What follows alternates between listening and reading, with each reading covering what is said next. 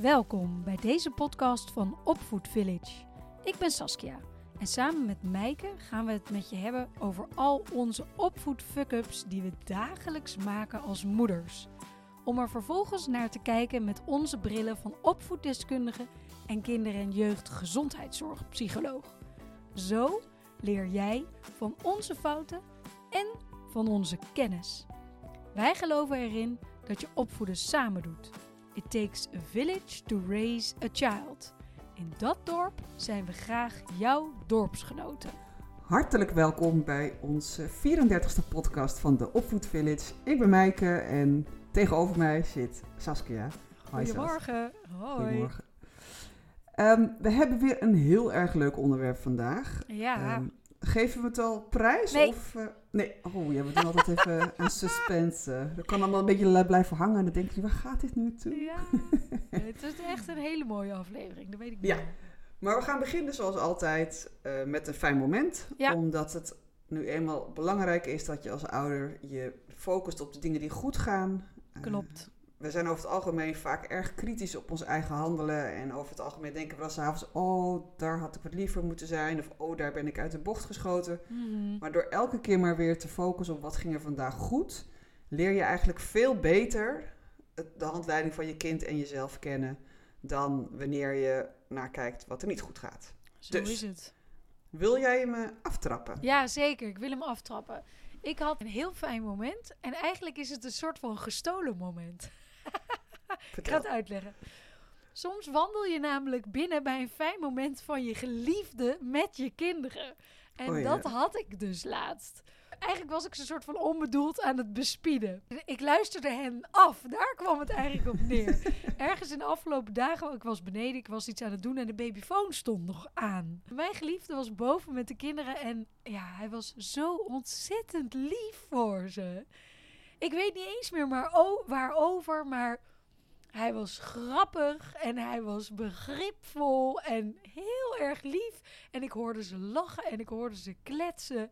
En ja, dat was gewoon zo ontzettend leuk om te horen van een afstandje. Dus ja, dat was eigenlijk mijn fijne moment. Was het fijne moment van mijn man met onze kinderen. Oh, mooi. Ja, dat Ja. snap ik. Dat je zo'n zo gestolen momentje. Ja, Heerlijk. mooi. En jij? Ehm, ik had ook een heel fijn weekend. Onze jongste die werd vijf. En uh, Hippe de piep, hoera! ja, de piep, hoera. Nu echt geen hele kleine kinderen meer. Nee, nee. Eh, vind, dat vindt ze zelf ook vooral. heel Ehm, goed. Ja. En de andere kinderen hadden voor de verjaardag allemaal dingen geknutseld. Maar ze hadden echt ontzettend hun best gedaan. Oh, wauw. En dat doen ze eigenlijk altijd. Ze maken een tekening of ze maken iets moois. Uh, maar nu was er zo'n berg van knutseldingen. En die geven we altijd eerst voordat de cadeautjes komen. Oh, leuk. Dus je zag dat vijfjarige brein, die, die snapte al, oké, ik moet hier wel aandacht voor hebben. Maar waar zijn de cadeautjes? maar ze bleef zo... Ik vond het zo schattig. En toen kreeg ze nog een knutsel. En toen zei ze, oh, dit heb je zo mooi gemaakt. Ze gaf echt... Ja, En ik zag dat brein alleen maar denken, waar blijven die cadeautjes? Waar blijven die cadeautjes? En, knap dat ze zo geduldig kon blijven. Ja, en dat vond ik zo mooi. En ik vond het zo lief van die anderen dat ze hun best hadden gedaan om, om ja, allemaal dingen van Anna en Elsa te knutselen. En, want Heel ze lief. zit helemaal vol in de. Frozen-periode. ja. Dus uh, ja, dat was een heel fijn moment dat ik ze zo samen op het bed zag zitten. Heerlijk, heerlijk, heerlijk. Daar heb je een goede mentale foto van gemaakt, denk ik. Yes, Oh, en zo. ook echte. Ja, ja, natuurlijk. Uiteraard. Vind het fotoboek. leuk, leuk, leuk.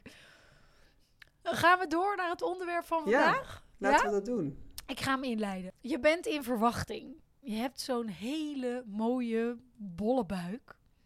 Je hebt prachtige echofoto's. En je hebt allerlei verwachtingen over hoe jij gaat zijn als moeder. Hoe je Mhm. baby gaat zijn. Wat voor leuke dingen je allemaal gaat doen. Enzovoort, enzovoort.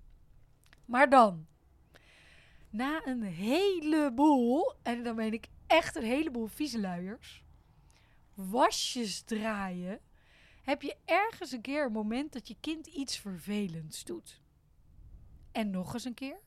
En dan start de nee-fase. De louter leuke kantjes van het hebben van een kind gaan er vanaf en het Ja. opvoeden begint. En- Vond ik wel een schok. Wat een schok. Ja. Ja. En ergens heb je waarschijnlijk onderhand ook gelezen over dat de eerste drie jaar van je kindje super belangrijk zijn voor een veilige hechting. Maar jij bent laatst voor het eerst uit je slof geschoten tegen je kind. Help, paniek. Want de eerste drie jaar en veilige hechting. En daar wil ik het dus vandaag super graag met je over hebben. Mhm. Want dit is een ding waar we, ik zei het al, je, je leest erover, je weet dat het bestaat. Eh, er wordt een beetje een ding van gemaakt. En ik denk dat Nou, alle het wordt heel moeders... groot gemaakt Ja, op internet. Als je Ja. eh, een willekeurig fora opent voor ouders, eh, Ja, dan zijn er dan altijd gaat- vragen over. Klopt. En ook op latere leeftijd ben jij wel veilig gehecht. Maar, dus, jij als kinder- en jeugdgezondheidszorgpsycholoog kan oh, daar wat een lang woord. Wat een mooi woord, hè? Wat een mooie titel. Daar kan jij natuurlijk super veel over vertellen. Daar weet je veel van. Ja. Dus ik Ja. wil eigenlijk eens... Dat is een hele grote vraag. Maar wil jij eens vertellen... Wat is hechting? Wat is een veilige hechting nou eigenlijk? Waar hebben we het over? Ja, want het wordt te pas en te onpas gebruikt, Ja. deze term. Eh, ook van mensen die er misschien iets minder eh, verstand van hebben, waardoor er ook heel snel met vingers gewezen wordt. Hè, van eh, je Ja. doet het niet goed als ouder. Maar eigenlijk is de hechting is heel simpel. Dat is de band die ontstaat tussen ouders en kind. Mhm. Nou, en hoe ontstaat er nou een band tussen ouders en kind? Dat je, ja, dat noemen ze wederkerigheid, dat er sprake is van ouder dat je eh, kijkt naar je kind, wat heeft mijn kind nodig? Eh, Ja. Dat je ze, eh, emoties en gedrag, dat je dat een beetje spiegelt. Dus als de baby zegt boe boe, dan doe je als ouder boe boe. Boe, boe, dus door het spiegelen van, van de taal en de emotie ontstaat er een band, Ja. een relatie noem je Ja. dat. Eigenlijk bij volwassen mensen gebeurt dat, ja, wanneer, hoe ontstaat er een band bij een volwassen relatie? Door het uitwisselen van informatie. Ja. Je leert elkaar kennen. Nou, en dat is eigenlijk precies wat er ook bij de baby en de ouder ontstaat. Je leert elkaar kennen. Alleen een baby heeft natuurlijk nog geen taal. Nee, Dus daar doe je het anders mee dan volwassenen. En hè, dus jij zegt ook dat, dat spiegelen, dat nadoen. Maar ook puur door er te zijn. Toch? juist. Ja, door het te zijn, eh, door tegen je kind te praten, zelfs als ze taal nog helemaal niet begrijpen. Ja. Eh, maar dat ze weten, hé, er is iemand bij me, er is iemand in de ruimte, ehm, die is er voor mij. Eh, als het kind huilt, dat je het oppakt, dat je het troost. Ehm, Eten geeft als het honger heeft. geeft, eh, luiertje ja. verschu- dus het gaat als om, het vies is. om- precies. Dus, dus, dus de hechting ontstaat ook bij de dagelijkse verzorging. Ja, Ehm, ook bij, tijdens het borstvoeden of tijdens het geven van een fles. flesje. Dat, is, dat zijn super belangrijke hechtingsmomenten. Ja. Ehm, eh, omdat er dan vaak interactie is. Dus als je kindje drinkt, dan kijkt je elkaar vaak aan. Ja. Eh, en dat gaat met de flesjes zelfs nog makkelijker, want dan kan je elkaar makkelijker aankijken. Mhm. Eh, Ja. Of het handje wat op jouw hand komt, of de hand van de baby op de borst. Ja. Dat zijn allemaal hechtingsmomenten. Ja. Dus dat er daadwerkelijk aandacht en contact voor de baby is. Kleine side note daarbij is dat eh, tegenwoordig met die smartphones, dat heel veel moeders borstvoeding geven terwijl ze dan op hun smartphone zitten. Oeh. Met wie ben je dan gehecht? Nou, en, en, en dat zijn wel van die kleine dingetjes waarvan ik denk, ja, we gaan een heel ander tijdperk tegemoet. Hè? Ik bedoel, onze eh, moeders hadden misschien wat meer aandacht voor ons, misschien mentaal weer niet, dat weet ik niet. Maar Hmm. eh, we zijn eigenlijk tegenwoordig heel vaak mentaal afwezig, Ja. doordat we op onze smartphone zitten. ja, en dan en- zijn we er wel, maar inderdaad wat jij zegt, mentaal niet. Nee, want kijk, er wordt natuurlijk dus een veilige hechting ontstaat als je er bent voor je kind. Als je spiegelt, als je het troost, als je het verzorgt, als je het kietelt, als je grapjes maakt. Nou, alles in de interactie. Mhm, mhm. Ja? Eh, als je dat doet, kan er niet zo vaak, dan is er niet zo snel sprake van onveilige hechting. Onveilige hechting ontstaat. Was dat ook al een vraag? Of? Nou, daar kunnen we zeker naar door. Ja, Ja, toch? Ja. zeker. Dat Ja, is het vervolg. Ik dacht voordat ik doordraag. Nee, ga jij door. Ja. Dus onveilige hechting ontstaat op het moment dat je als ouder eh, afwezig bent. Mentaal en fysiek. Precies, precies. Dus eh, nou moet je niet denken, oh god, ik kan niet gaan werken, want dat bedoel ik niet. Maar als je onregelmatig er niet bent of niet voor je kind kan zorgen, eh, als je zomaar plotsklaps in het ziekenhuis ligt, ehm, als, als er bij een ouder sprake is van rouw of depressie, waardoor je dus eh, emotioneel niet beschikbaar bent voor je kind. Dus dat je bijvoorbeeld je de hele dag groot probeert te houden door je verdriet, dus een soort van masker optrekt. Mhm. Ja, dan kan je kind ook niet goed contact met je krijgen. Dus wanneer jij niet meer in staat bent om het gedrag en de emoties van je kind terug te spiegelen of terug te geven, nou dan kan er, kan er sprake zijn van onveilige hechting. Ja. Dat gebeurt alleen ook weer niet zo heel snel als we denken dat dat gebeurt. Mhm. Want eigenlijk heeft een kind maar één, één eh, stabiele hechtingsfiguur nodig om veilig Om een te veilige hechting te krijgen in die Ja. eerste drie jaar. zeker. Precies. Ja. Dus dat kan eh, als de moeder niet beschikbaar is vanwege postnatale depressie, eh, als de vader er is, hoef je je ook niet meteen zorgen te maken. Want dan is er een stabiel figuur. Of als er een oma is die er heel regelmatig is, die voor de, voor de baby zorgt.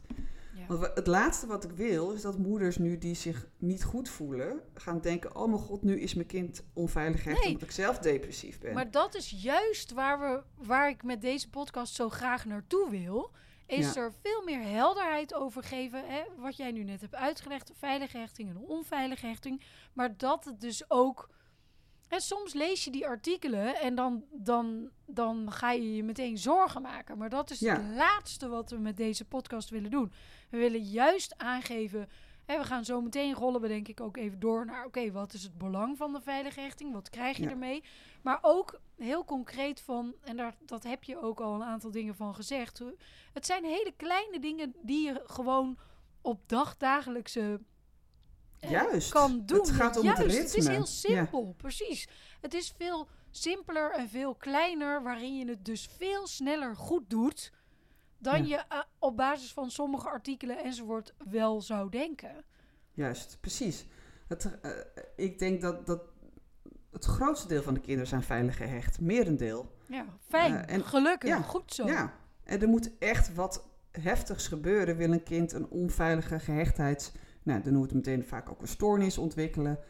Ehm, eh, maar er moet er echt wel wat gebeurd zijn. Ja. Dus stel ook als ouder dat je een keer in het ziekenhuis bent geraakt... en plotseling weg bent gevallen. Hmm. Eh, zolang er een andere stabiele persoon is... die het kindje al goed kent... no worries. dan gaat het gewoon de goede kant Hè? op. Precies, Ja, en misschien heb je daarna wel weer wat in te halen of heb je wel weer te bouwen aan de hechting.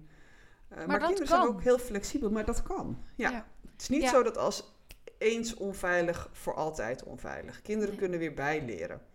Ja, en dat is denk ik een hele fijne en goede geruststelling.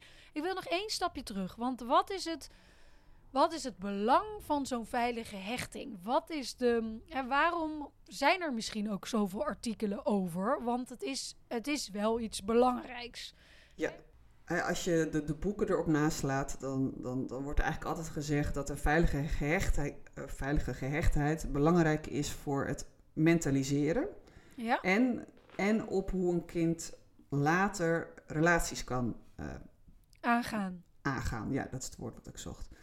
Nou, mentaliseren is eigenlijk, ehm, dat is een term die misschien niet iedereen kent, is dat je leert na te denken of te reflecteren over je eigen emoties en je eigen denken en dat van een ander. Mhm. En eigenlijk kan je die, dat is een vaardigheid die we heel langzaam ontwikkelen. Hè? Want als we geboren worden, als baby's geboren worden, dan zijn ze eigenlijk alleen maar eh, fysieke toestand. Ja. Hè? Dus ze kunnen alleen maar voelen, ben ik eh, Ben koud, warm, Heb ik poepen. honger? Ja, precies, precies. Pas na een paar weken, hè, op een gegeven moment gaan die oogjes open en dan denk je, hé, hey, ze zijn geland. Tenminste, zo heb ik het ervaren met mijn kinderen. De een landt wat eerder dan de ander. Eh, met twee van mijn kinderen, die waren eigenlijk die waren geboren. En ik dacht, oh, je bent er meteen. Kon ze meteen aankijken, ik had contact. Ja. Nou, bij die andere duurde dat wat langer. Eh, maar op een gegeven moment gaan kinderen merken, hé, hey, naast mij zijn er nog anderen. Mhm. Maar dan is het allemaal nog heel diffuus. Dus dan is mama is ook nog ik. Dus de baby ervaart de moeder ook nog als zichzelf. Dus Ja, als de moeder dan ook weg is, nou, het is natuurlijk meteen paniek, want je bent een deel Ja. van jezelf kwijt. Ja, ja, ja, eigenlijk voelen ze zich dan nog zo als ze in de buik zitten. Precies, precies. Dus dat gevoel is er na de eerste schok van geboren zijn. Zijn ze nog niet afgescheiden van Ja. de moeder. Ja, nee. Ehm, En de volgende fase is dat ze gaan merken: hé, hey, mijn moeder is een ander iemand dan ik. Uh, ja. En op een gegeven moment gaan er ook, hè, want we praten tegen ze, we lezen boekjes, nou al die dingen. Op een gegeven moment gaan er ook woorden komen, dus dan, dan kunnen ze woorden geven aan wat er gebeurt. Dus het repertoire gaat van fysiek naar steeds meer mentale toestanden. Ja. Dus op een gegeven moment kunnen ze nadenken over zichzelf. Nou, dat, uh, dan op een gegeven moment komen ze natuurlijk in de nee-fase. Nou, dan zijn ze aan het experimenteren met uh, wel of niet dingen willen of doen. Ja. Uh, en zo ontwikkelt dat hele mentaliseringsstuk zich steeds verder. En pas als kinderen een jaar of vijf, zes, zeven zijn, dat varieert uh, enorm, uh, kunnen ze gaan denken: hé, hey, ik voel nu bijvoorbeeld me verdrietig, want Ja. jij pakt mijn pop af. Maar voel jij je misschien ook? Oh, jij voelt je misschien ook verdrietig omdat ik hem in eerste instantie van jou heb afgepakt. Hè? Ja. Dus dat kunnen ki- kleine kinderen nog helemaal niet, want ze moeten eerst leren.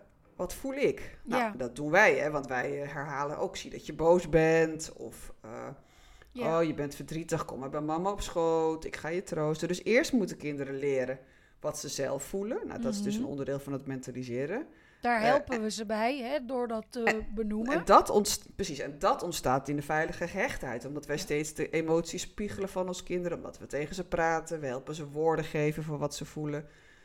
Eh, en pas daarna, als ze dat een beetje beheersen... kunnen ze pas gaan nadenken over wat de ander voelt. Ja, maar hier En- zeg je ook wel weer iets heel interessants. Want we hadden het net dus over de, de kleine dagdagelijkse dingen. Dit is er dus weer een. Hè?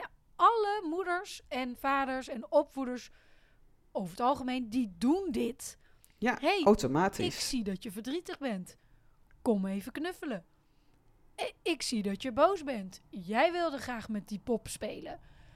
Dat is haast inderdaad automatisch gedrag wat we allemaal doen, maar wel dus key voor die veilige hechting. Dus het zit hem Ja. nogmaals niet in de grootste dingen, maar juist in dit soort kleine, hele belangrijke dingetjes. En eigenlijk wat, wat het allerbelangrijkste is... is dat je continu je kind spiegelt. Hè, dus Dat je Eh. teruggeeft wat je ziet. Precies, precies. Eh, waar kinderen heel erg van in de war raken, is als jij eh, als ouder, hoe kan ik dit nou? Als jij als ouder verkeerd terugspiegelt, hè, dus je kind is bijvoorbeeld verdrietig, maar schreeuwt, want, Ja. eh, en dat je dan gaat zeggen, hé, hey, je moet niet zo boos doen. Terwijl het kind voelt zich eigenlijk dan verdrietig. Verdrietig. En dan krijg je verkeerde koppelingen bij emoties. Dus dat is altijd wel een ding waar je even goed moet kijken. Ja. Het is belangrijk om, om even na te denken: hé, hey, wat zou mijn kind nu voelen? En toch is het ook wel zo dat als, en tenminste dat merk ik thuis, dat als ik het dus een keer fout benoem, Dat, ze Dat je ze corrigeren. ja, en natuurlijk zijn de mijne, het zijn geen baby's meer die niet kunnen praten, maar dat ze wel Nee. corrigeren. Ja. Hoe boos ze misschien ook doen, ze roepen er wel heel boos uit. Ik ben niet boos, ik ben verdrietig. Oké, Ja. check, vink. ja, dus als je denkt, als je twijfelt, benoem dan gewoon wat je ziet. Hé, hey, ik zie dat je heel hard schreeuwt. Ja, dan Hè? ga je altijd goed. Ja, Ja. dan ga je altijd goed. Dus het Ja. gaat ook weer niet, het is ook allemaal weer niet zo. eh, het, gaat niet over eh, op, op, op één dag verkeerd Nee, of zo. Nee, zeker niet. En Nee. ik denk dat dat ook een van de belangrijkste boodschappen is van deze podcast. Dit Ja. veilige hechting gaat niet verkeerd op het moment dat je inderdaad één dag een keer een misstap of één week een keer een misstap gaat. Maar Ja. we hadden het net over mentaliseren. En, Ja, dus ehm, dit is een beetje het mentaliseren. En dat ja. gaat dus in een hele ontwikkeling. En de andere manier is waardoor, eh, waarvoor veilige hechting, eh, veilige hechting, ik zeg altijd gehechting en hechtheid, nou, eh, in mijn hoofd gaat helemaal mis. alles door elkaar. Ja. De andere reden waarom veilige Hechting. hechting belangrijk is, is eh, omdat het ook een voorbeeld is hoe je relaties aangaat. Ja. Eh, dus de manier waarop wij gehecht zijn, zal ook een voorbode zijn van hoe wij later in ons leven relaties aangaan. Hè? Kunnen we Ja. ons veilig voelen in een relatie? Kunnen we ons openstellen? Kunnen we vertrouwen? Als we al dat soort dingen als kind hebben ervaren, kunnen we als volwassenen veel gezondere relaties aangaan. Super belangrijk, want dat zijn vriendschappen, liefdesrelaties enzovoort. Nou ja, een van de dingen waar mensen het aller, aller ongelukkigst van worden is eenzaamheid. Dus als Ja. je niet in staat bent op een adequate manier relaties aan te gaan en te behouden, Mhm. dan gaan mensen zich ontzettend eenzaam voelen. Ja. Dus het is wel belangrijk. Nee, dat is, eh, dat is zeker, zeker belangrijk. Ja. Helder, twee hele belangrijke dingen. En ik las, want zo kwamen we hier natuurlijk ook op. Ik las dus het een en ander hierover. En daar kwam ik nog een aantal mooie woorden tegen, waarvan jij ongetwijfeld weet wat het betekent. Ja. Objectpermanentie. Ja, dat is ook zo'n mooi woord. Dat is eigenlijk als kinderen ja, baby-dreumes zijn, dan houden ze heel erg van die kiekeboe-spelletjes. Hè? Dat je 10, 20 keer achter de Ja. bank vandaan komt en weer terug. Kiekeboe. Ja, kiekeboe, nou, lachen gieren. Nou, dan zijn ze eigenlijk nog wel jonger. Hè? Dat is voor het eerste, eerste levensjaar, denk ik. Voordat ze één zijn. Ja. En dat zijn eigenlijk hele belangrijke spelletjes. Als ouder denk je wel eens een keer, nou god, moeten we dan weer kiekeboe doen? Maar dat is super belangrijk, want wat leren Ook weer iets kleins, hè? Ja, Even ook om weer het iets nog een kleins. keer. Ook weer Ja. iets kleins. Kiekeboe. Ten eerste zit er spanning in voor een kind. Dus Ja, het is ook een heel spannend spelletje. Ja. Oeh, gek, want ze weten dat ze een beetje gaan schrikken. Nou, dus dat is leuk. Eh, maar tegelijkertijd leren ze door het spelletje dat objecten permanent zijn. Dus mensen, objecten, mensen zijn, ga, zijn niet weg, stuk, kapot, dood als ze even weg Er zijn. niet zijn. Ja. Hè, dus als ik zo doe, mijn handen voor mijn ogen, dan ben ik weg voor het kind. En dan doe ik kiekeboe. Oh, daar is Dan mama ben je weer. er weer. Nou, kiekeboe en weer opnieuw, opnieuw, opnieuw. En zo leert een kind dus langzaam dat als iets weg is, dat het niet permanent weg is. Ja. Eh, daarom is het vaak op jonge leeftijd, als die kinderen nou, dreumes zijn of eh, soms ook nog wel bij peuters, zo lastig om afscheid te nemen Ja. bij de crash. Omdat het objectpermanentie, dat, dat moet ook groeien. Net als mentaliseren, dat is iets wat in ontwikkeling is. Dus als mama weggaat, ja, is het maar de vraag of ze terugkomt. ja. In het onderbewuste van in- de, van de. Ja, dat, dat Ja. maakt het lastig. Kom je wel terug? Blijf je Ja. niet altijd weg? Want waar ben je dan als je weg bent, ben je weg. En, en nou ja, niet bij dus- mij? Ja. ja. dus daar gaat dat objectpermanentie over. Dus dat, dat kan je ook gewoon eh, oefenen op een leuke manier. En daarom zijn kinderen ook zo dol op die spelletjes, omdat het ze enorm helpt. Ja. ja, ja. En dat brengt me ook meteen bij eh, de knuffel in de tas. Ja, precies. Want Ja. dat is een stukje van thuis. Ja, En het zijn vaak ook knuffeltjes zijn ook objecten waar ze zich ook aan hechten. ja. En als die meegaat, geeft hen dat ook een veilig gevoel. Ja, dan is het meer ook een transformatieobject. Hè? Dus dat neem je mee vanuit huis Ja. naar de opvang of neem je mee naar school. Eh, een van mijn kinderen die vindt het altijd heel fijn om iets van thuis in de tas te doen. Maar ze mogen Ja. geen speelgoed mee. Nee. Dus dan zeg ik altijd, eh, maar het moet wel in je tas blijven, hè? Ja, blijft in mijn tas. Ja. Dus ze wil daar ook helemaal niet mee spelen, maar ze vindt het fijn om iets van thuis mee te nemen naar school. Want da- ik heb er daardoor precies zo één.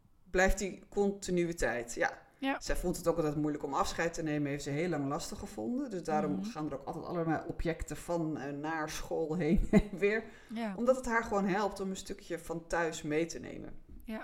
En dan is ze echt niet eh, onveilig gehecht, maar ze vindt dat stuk eh, lastig. En op die manier kan het helpen. Ja, daarmee kan je je kind dus precies helpen. Ja. En dat is, dat is heel belangrijk om te weten. Laatste, want eh, ik zie dat met zo'n ontzettend mooi onderwerp als dit, veilige hechting, dat de tijd echt voorbij vliegt. Ja. Maar er is er één waar ik nog heel graag jou over wil horen praten. En dat is de Tom-theorie. ja. Theo, Otto, Marietje, Tom. Ja, dat is, eh, dat, dat, dat is eigenlijk in het, dat hoort bij het mentaliseren stuk. Ja. Eh, dat is eigenlijk een van de latere fases binnen het mentaliseren. Ja. En TOM, dus, dat is een afkorting en dat staat voor Theory of Mind. Mhm. En dat is de fase waarin kinderen leren dat iemand anders op basis van een bepaald soort informatie anders kan denken dan jij. En dat kan een kind pas echt als het mentaliseren op gang is gekomen. Ja, dus dat komt daarna. Dat is een latere fase van dat mentaliseren. Ja, het begin wat wij net een beetje hebben uitgelegd. Ja. Bij, ki- bij kinderen met een autisme spectrumstoornis zie je vaak dat dat heel moeilijk is om zich te verplaatsen in het hoofd van een ander. Mhm. En eh, dat die op basis van andere informatie anders zouden kunnen denken dan jij. Eh, maar ook kinderen die dus onveilig gehecht zijn, vinden dit ook vaak moeilijker. Omdat dat hele mentaliseren stuk niet goed op gang is gekomen. Nee, nee, nee. Wat er nee. onvoldoende gespiegeld is. Ja. onder andere. Als ik hem eh, moet samenvatten, dan is het spiegelen is dus heel erg belangrijk. Super. En met spiegelen, dat zou je ook kunnen zeggen als sensitief reageren. Ja. Je kijkt naar je kind en je benoemt wat je ziet en je maakt er echt contact mee en daarmee spiegel je of reageer je sensitief. Daarnaast ontstaat veilige hechting in de kleine dagelijkse dingen. Juist. En dat je er daadwerkelijk bent voor je kind. Niet alleen fysiek, maar ook mentaal. Dus gooi die smartphone in een doos en pak hem pas later weer. Ja. En wat er denk ik ook in doorcijpelt, is continuïteit in de aanwezigheid van een aantal sleutelfiguren. En het hoeft er maar één te zijn. En dat het dus ook geen kwaad kan als je daarmee soort van wisselt. Zeg ik dat dan Mhm. goed? Mhm. En stel nou, en daarmee eh, denk ik qua tijd dat we hem moeten afsluiten. Maar stel nou, het is toch een beetje misgegaan. Stel. Want we hebben al, denk ik, geconcludeerd dat, je daar, dat daar echt serieus dingen voor moeten gebeuren. Maar is er dan een herstelmogelijkheid? Ja, als er, een, e- als er een basis is, zeker. En ik denk dat het altijd verstandig is om daar gewoon hulp bij te zoeken als je erover twijfelt. Ja. Want er zijn gewoon heel veel mensen die hier verstand van hebben. En ga dan echt naar een professional, Mhm. eh, zou ik zeggen. Maar eh, herstelwerk gebeurt heel erg in het, nou, precies in dezelfde dingen die jij net noemt. Door aanwezig te zijn bij je kind. Ja. Door je kind te zien, door de emoties te erkennen. Door aandacht te hebben. Door veilig en voorspelbaar te zijn als ouder. Door, ja, daar hebben we het eigenlijk helemaal niet over gehad. Maar grenzen zijn ook ontzettend belangrijk voor hechtheid. Ja. Is, eh, die zijn we eventjes... eh, Die zijn we nog nou, vergeten. misschien- Maar dat is inderdaad, inderdaad een hele belangrijke. Nou, misschien maken we hier nog wel eens een keer een podcast over. Ja, want ik denk dat, dat ook voor kinderen voorspelbaarheid nodig hebben. Ja. Eh, dus heldere grenzen. Wat kan wel, wat kan niet. Dat maakt het ook veilig. Ja. Dus, dus wil je, denk je, nou, we hebben echt een, eh, een afslag gemist. Zoek hulp. Ja. En wees er, wees er voor je kind. En erken wat je ziet. Ja, erken wat je ziet en laat het, laat het kind zich veilig en En geliefd, geliefd. voelen. En dat je begrijpt waar hij of zij behoefte aan heeft. Juist. En je hoeft het er niet eens mee te zijn, hè, als Nee, ouder. Nee, nee. Maar je hoeft het alleen maar te erkennen. Ja. Ja. Ja. Mooi. Mooi, sluiten we hem zo af. Yes. Dankjewel voor het luisteren naar deze podcast over veilige hechting. Heb je hier een vraag over of een, of een opmerking? Deel het onder de podcast of mail ons at info.opvoedvillage.nl. Doe mee aan een van onze programma's. Geef een review op deze podcast en deel het met andere lieve ouders. Dankjewel voor het luisteren en tot de volgende. Tot de volgende.